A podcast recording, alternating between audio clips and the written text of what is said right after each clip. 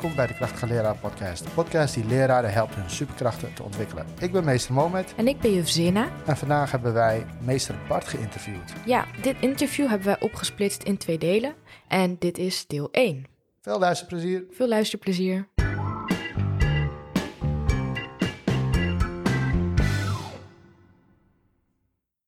Welkom meester Bart. Dankjewel.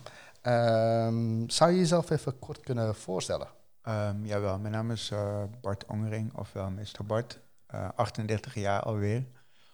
Uh, docent Engels op de Open Schoolgemeenschap Belmer sinds 2008. Uh, acht jaartjes onderbouw, steeds meer bovenbouw. En nu, even kijken, vier jaar mentor bovenbouw. En nooit meer wat anders, denk ik. Nee? Is gewoon veel te leuk. De bovenbouw is veel te leuk. Ja, is gewoon veel te leuk. Oh, Iedere oh. dag. Wat is het verschil tussen de bovenbouw en de onderbouw voor jou? Um, is ik vind leuk, onderbouw wel leuk, maar die, het is alsof je soms die leerlingen nog moet helpen met ademen en zo, dat soort dingen. Ze moeten echt alles met hulp doen. Ja. Uh, wat ook wel weer schattig is, want als er bijvoorbeeld een, als ik bijvoorbeeld de pen laat vallen, dan zijn er gewoon opeens drie eerste klassers die dan de pen voor mij op willen rapen. Dan denk ik van, dat hoeft Oh. helemaal niet, maar het is heel aandoenlijk.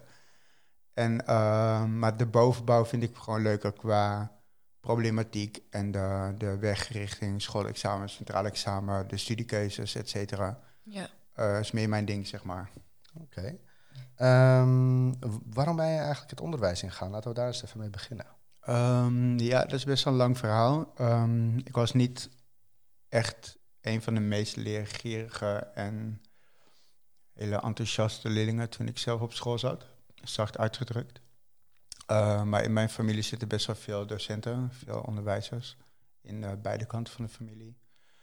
En na de MAVO heb ik twee keer een MBO-opleiding gedaan, maar niet afgerond. Ook weggestuurd eigenlijk vanwege mijn uh, overmatige absentie. En toen was ik 21, heb ik een HBO plus toelatingstest gedaan. En toen mocht ik eigenlijk basically iedere HBO kiezen die ik wilde doen.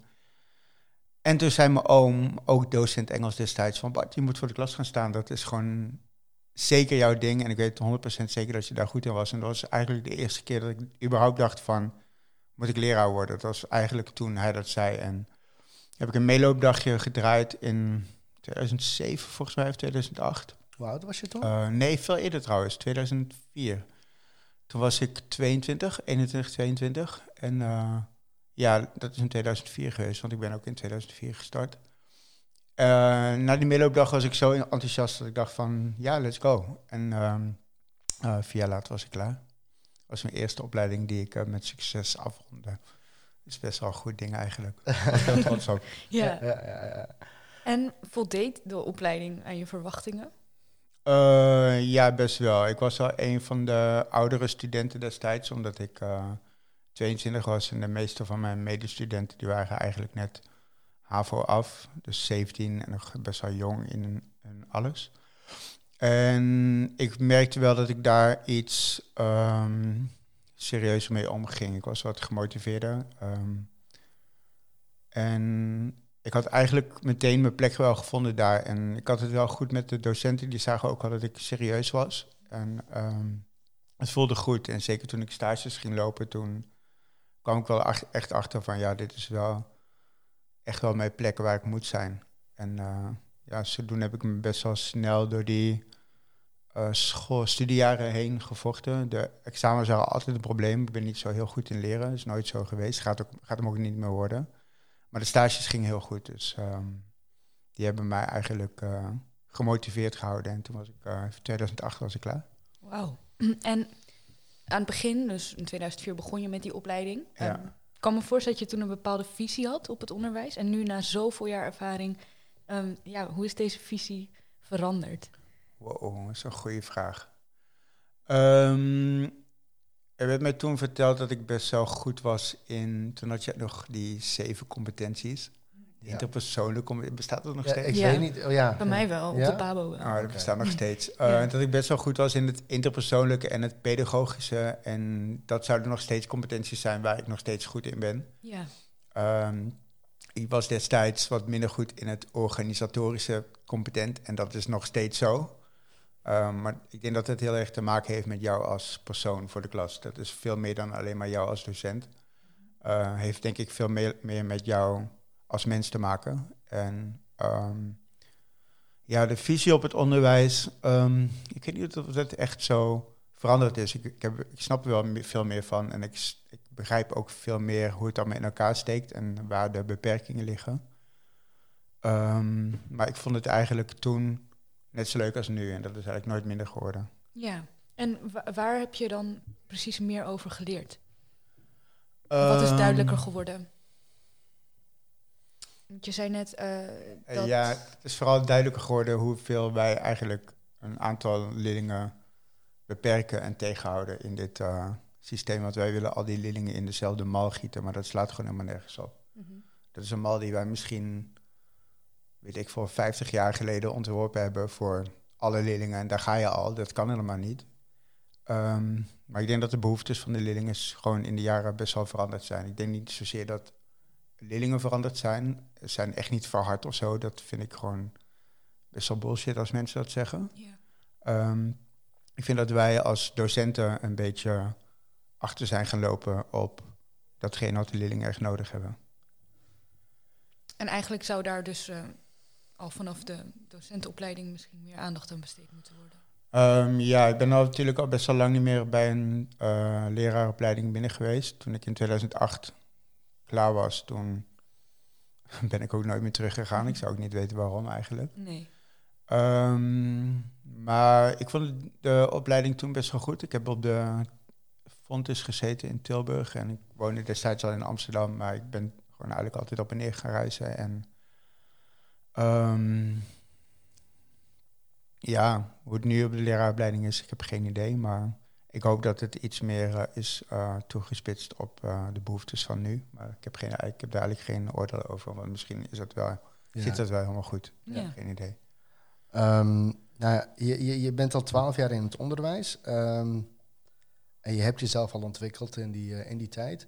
Is er nog iets waarin je je nu nog zou, uh, in verder zou willen ontwikkelen? Als je zou kijken naar die zeven competenties.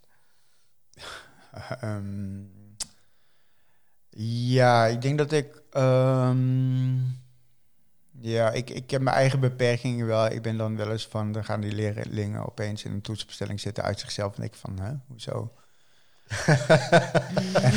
dan zeggen ze van meester, uh, we hebben toch toets? Dan denk ik zo, oh ja, dan, dan doe ik gewoon alsof ik het wel weet. Maar dan moet ik gewoon nog steeds naar de printer lopen.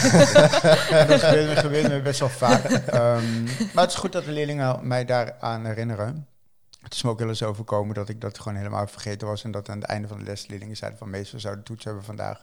Maar we zijn blij dat hij ons geblest heeft met geen toetsmakers. Oh ja, ja, doen we dat voor een keer wel. Het is ook niet zo heel erg, snap je? Als het of het nou op dinsdag of vrijdag die toets afgenomen wordt, is echt niet zo erg. Nee. Uh, als je uiteindelijk maar afgenomen wordt. Mm -hmm. um, um, dus dat kan misschien wel iets beter, maar ja, het maakt mijn onderwijs niet per se slechter. Um, nee. Ik zou nog wel een keer een cursus willen doen, denk ik, maar dat zeg ik ook al een jaartje of vier.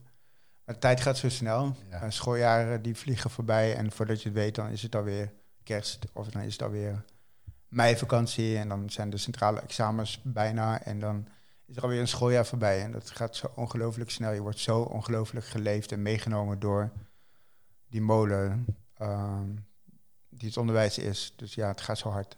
Ja, snap ik. Ja. Um, wat is een bijzondere situatie, interactie of gebeurtenis die jou is bijgebleven in de afgelopen jaren in je klas? Ja, dat was pas geleden nog. Ik was um, een paar dagen ziek. Uh, net als twee jaar terug of zo, twee of drie jaar terug. Ik ben eigenlijk nooit ziek, maar de lessen vallen nooit uit. Um, en ik was denk ik maandag, dinsdag, woensdag ziek of zo. En toen donderdag kwam ik op school en toen kwam er een leerling, best wel lang, vierde klasse. Uh, en die komt naar me toe en zegt echt zo van, meester, hoe voelt u zich? Ik zei, ja, ik voel me wel goed. En hij zegt van, ja, ik maakte me echt zorgen omdat u er altijd bent. Oh. En opeens was u drie dagen niet. En mijn klasgenoten waren blij dat er uitval was, maar ik maakte me zorgen. En toen dacht ik, oh, maar mijn god, dit is zo lief. Ja. Uh, maar dat zijn gewoon, dat zijn best wel vaak van dat soort momenten dat, dat, dat leerlingen me echt een, een warm hart toedragen. En dan denk ik van, wat wordt er zoveel geoordeeld over de jeugd van nu en de straatcultuur, bla bla bla. Maar dat herken ik gewoon helemaal niet. Of ik heb oogkleppen, dat zou best wel kunnen dat ik gewoon naïef ben. Maar ik zie het gewoon niet. Nee. Ik wil het ook niet zien. Misschien is dat het ook. Maar er zijn gewoon zoveel situaties waarvan ik denk van... Ja, dat zijn gewoon... Hoe mooi is het eigenlijk dat ik op, op die... eh, voor de klas mag staan of tussen de leerlingen mag zitten. Dat is gewoon prachtig. Ja. Ja, dus dan kan ik wel 10, 20 van die voorbeelden opgeven... waarvan ik denk van ja, die zullen me mijn leven lang bijblijven. Maar denk je dus dat, ehm, dat je dat zo ervaart omdat je er ook zo in staat? Eh, of ehm, d- d- het heeft denk ik wel wat met elkaar te maken. Want omdat jij er zo in staat, krijg je het ook zo terug, denk ik. Ja, ja, ik ben wel echt ehm, leraar geworden omdat ik het belangrijk vind om de leerlingen wat mee te geven en om tijdelijk wat voor hen te betekenen. Nou ben ik natuurlijk maar één of twee of soms vier jaar van betekenis, twee uurtjes per week of drie uurtjes per week. Ehm, maar je hebt echt een tijdelijke rol en daarin wil ik wel zoveel mogelijk de leraar zijn waarvan ik denk die hebben zij nodig. Ja. Ik denk dat het absoluut zo is wat je zegt, dat eh, hoe je er zelf in staat, dat je dat dan geeft en dat je dat dan ook weer terugkrijgt. Maar ik ben niet per se docent geworden om liefde terug te geven, krijgen, maar die krijg je gewoon automatisch terug. Dus ik ben het echt gewoon met je eens. Ehm, en daarnet had je het over eh, ja, straatcultuur en hoe de leerlingen gezien worden. Ehm, merk je dan ook zelf eh, op je eigen school dus dat andere docenten het op een andere manier ervaren? Ja, ik merk vooral irritatie wanneer ik dat woord hoor. Eh, Eh, wanneer er wordt woord, gezegd, welk eh, woord precies? straatcultuur, of we halen de straat in, in, in school. Ja. Dat vind ik gewoon bijna, eh, vind ik gewoon eigenlijk gewoon een belediging naar die kinderen toe. Ik vind dat je dat ook niet zomaar mag zeggen. En laat vooral zien hoe vervreemd je eigenlijk bent van de populatie die jij lesgeeft. En dat is best wel kwalijk, vind ik. Ehm, ik vind het vooral belangrijk dat die kinderen gewoon goed les krijgen. Daar gaat het gewoon om. En dat zij goed gesteund worden en dat zij gehoord worden, dat zij gezien worden.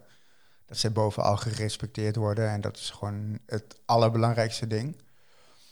Ehm, maar ik vind dat ook niet zo heel moeilijk. Ik heb gewoon niet heel veel schoolregels eigenlijk als ik een schooljaar open met een klas die ik dan één of twee jaar ga lesgeven. Ik heb gewoon eigenlijk een houding van je hoeft mijn respect niet te verwachten als eh, ik jullie geen respect geef en andersom.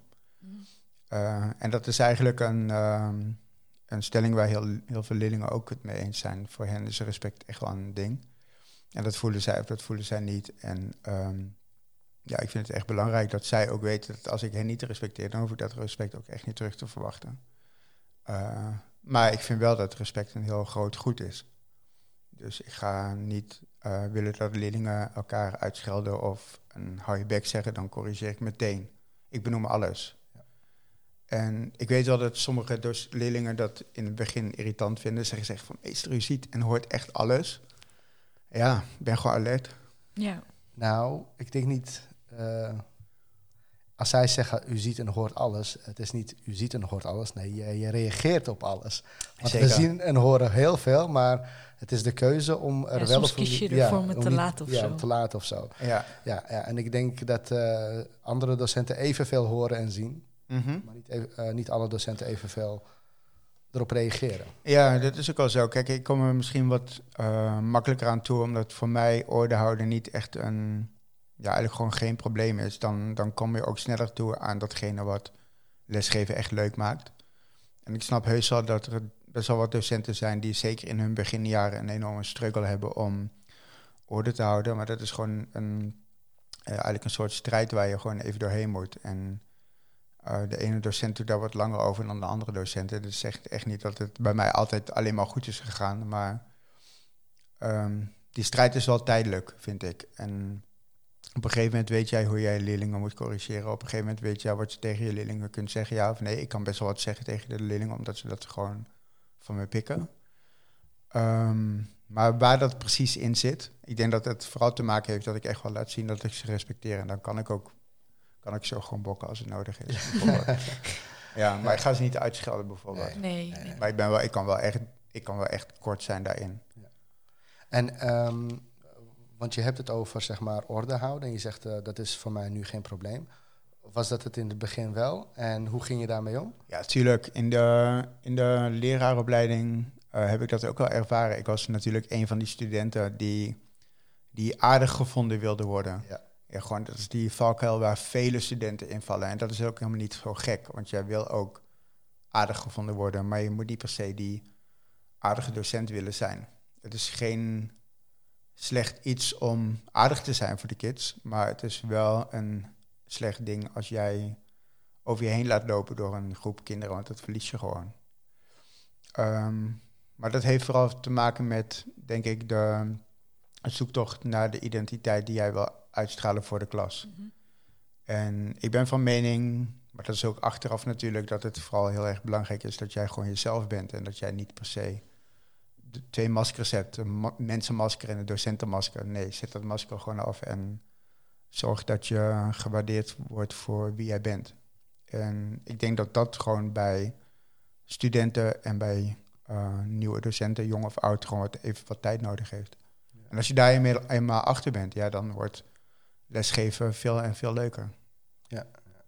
Eh, zie jij jezelf tot aan je pensioen lesgeven? Absoluut. Ja? Ik zou niet weten wat ik anders ga doen. Ik weet het echt niet. Mij kun je gewoon, denk ik, ehm, over 30 jaar nog steeds voor de klas zien. Ik zie mezelf ook wel echt tot het eh, bittere einde doorgaan. Jij die Eh. docent die ze zeg maar terugvragen ook als, eh, als je met pensioen bent? Ja, daar ga ik ook geen nee kunnen zeggen, denk Ja. ik. Ik vind dat ook iets heel moois. Dan, ik heb een oud collega van me gehad, Peter, en hij gaf Duits. En eh leerlingen noemden hem opa, maar dan op een respectvolle manier. Omdat hij grijs was en een bril had en kalend is. Maar ja, ook hij kon alles zeggen tegen die leerlingen. En de leerlingen respecteerden dat gewoon van hem. Maar hij was gewoon een hele goede docent. Ja. En hij kwam ook na zijn pensioen nog gewoon naar school, zeker in de tijd net voor de centrale examens, om een aantal leerlingen gewoon te begeleiden en te steunen in hun examen Duits. En dat zijn gewoon hele mooie dingen, denk ik. Dat je, ook als je pensioen hebt, dat je denkt van nog steeds zijn er leerlingen die mijn eh, hulp en mijn zorg behoeven. Dat is gewoon prachtig, dat je daarvoor toch terug naar school komt. Ja. En niet alleen maar aan jezelf denkt. Nee. nee. Ehm, dit is echt een totaal andere vraag, maar we waren wel benieuwd wat jouw eh, visie hierop was. Ehm, wat zouden leraren zelf kunnen doen tegen het lerarentekort? Eh, niet zo zeuren. Ik vind dat er best wel veel wordt geklaagd en dat is echt wel terecht. Die, die, dat, die klachten komen niet zomaar ergens vandaan. Maar het is zo makkelijk om te blijven hangen in het negatieve en het is zo makkelijk om te blijven zeuren over datgene wat niet goed gaat. Maar op een gegeven moment dan gaat dat echt in jouw houding zitten, ook naar de leerlingen toe. En dat verdienen zij gewoon niet. En ik vind dat het, ehm, ja, de media is daar, heeft daar een bepalende rol in. Maar ook wij als docent hebben daar een bepalende rol in. En ik vind het gewoon heel erg belangrijk dat wij een, zeker in tijden van leraartekort, een positief geluid blijven laten horen. Omdat wij zijn toch leraar geworden, wij zijn toch trots op datgene wat wij doen. En eh, ja, het salaris is echt niet voor iedereen goed. Kijk, dat, daar zitten gewoon grote verschillen in. En ik vind dat die ongelijkheid daarin, wat het is het, dat moet echt beter. Maar dat maakt niet dat mijn werk eh, niet leuk is. Mijn werk is gewoon heel tof. Dus vind ik het ook heel erg belangrijk dat wij dat uit blijven dragen. In de eerste plaats richting onze leerlingen toe. Ja. Maar zeker ook richting de maatschappij toe. En ik denk dat we daar best wel sterk samen een sterker eh, samen in een front kunnen vormen om te laten zien van hé, hey, dat docent zijn, dat is eigenlijk gewoon heel dope. Ja, want nu zeg je eigenlijk, eh, geef je toch eigenlijk wel een oplossing voor het lerarentekort. En dat is namelijk het aantrekkelijker maken van het, eh, van het docentschap. Ehm, maar wat zijn dan onder andere manieren om juist te laten zien dat hetgene wat wij doen doop is? Ja, om gewoon, kijk, er zijn zoveel eh, mogelijkheden om naar buiten te treden. We, hebben allemaal, we kunnen allemaal een Twitter-account aanmaken. We kunnen allemaal iets op social doen waarin je gewoon ongelooflijk veel mensen bereikt. Ehm, en ik denk dat dat gewoon heel belangrijk is. Ook al heb je drie volgers, dat maakt helemaal niet uit. Als jij, als jij gewoon uitdraagt datgene waar jij trots op bent. En dat jij vertelt over datgene wat jij zo leuk vindt, dat heb ik in, in die jaren ook gedaan. Dat was gewoon eigenlijk een, een verslag van de liefde die ik uh, vanuit mijn leerlingen voel. Ja, als ze dat gewoon met z'n allen een beetje blijven doen. En ja, het hoeft allemaal niet uh, roze kleuren maneschijn te zijn. We mogen ook wel praten over datgene wat helemaal niet zo goed gaat.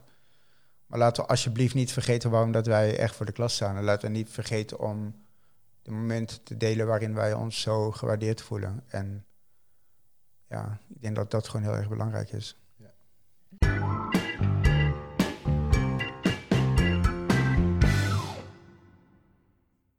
Welkom, terug. Uh, we hopen dat je hebt genoten van de podcast. Over twee weken wordt deel 2 uitgezonden. We hopen dat, dat je weer uh, luistert. Uh, tot dan.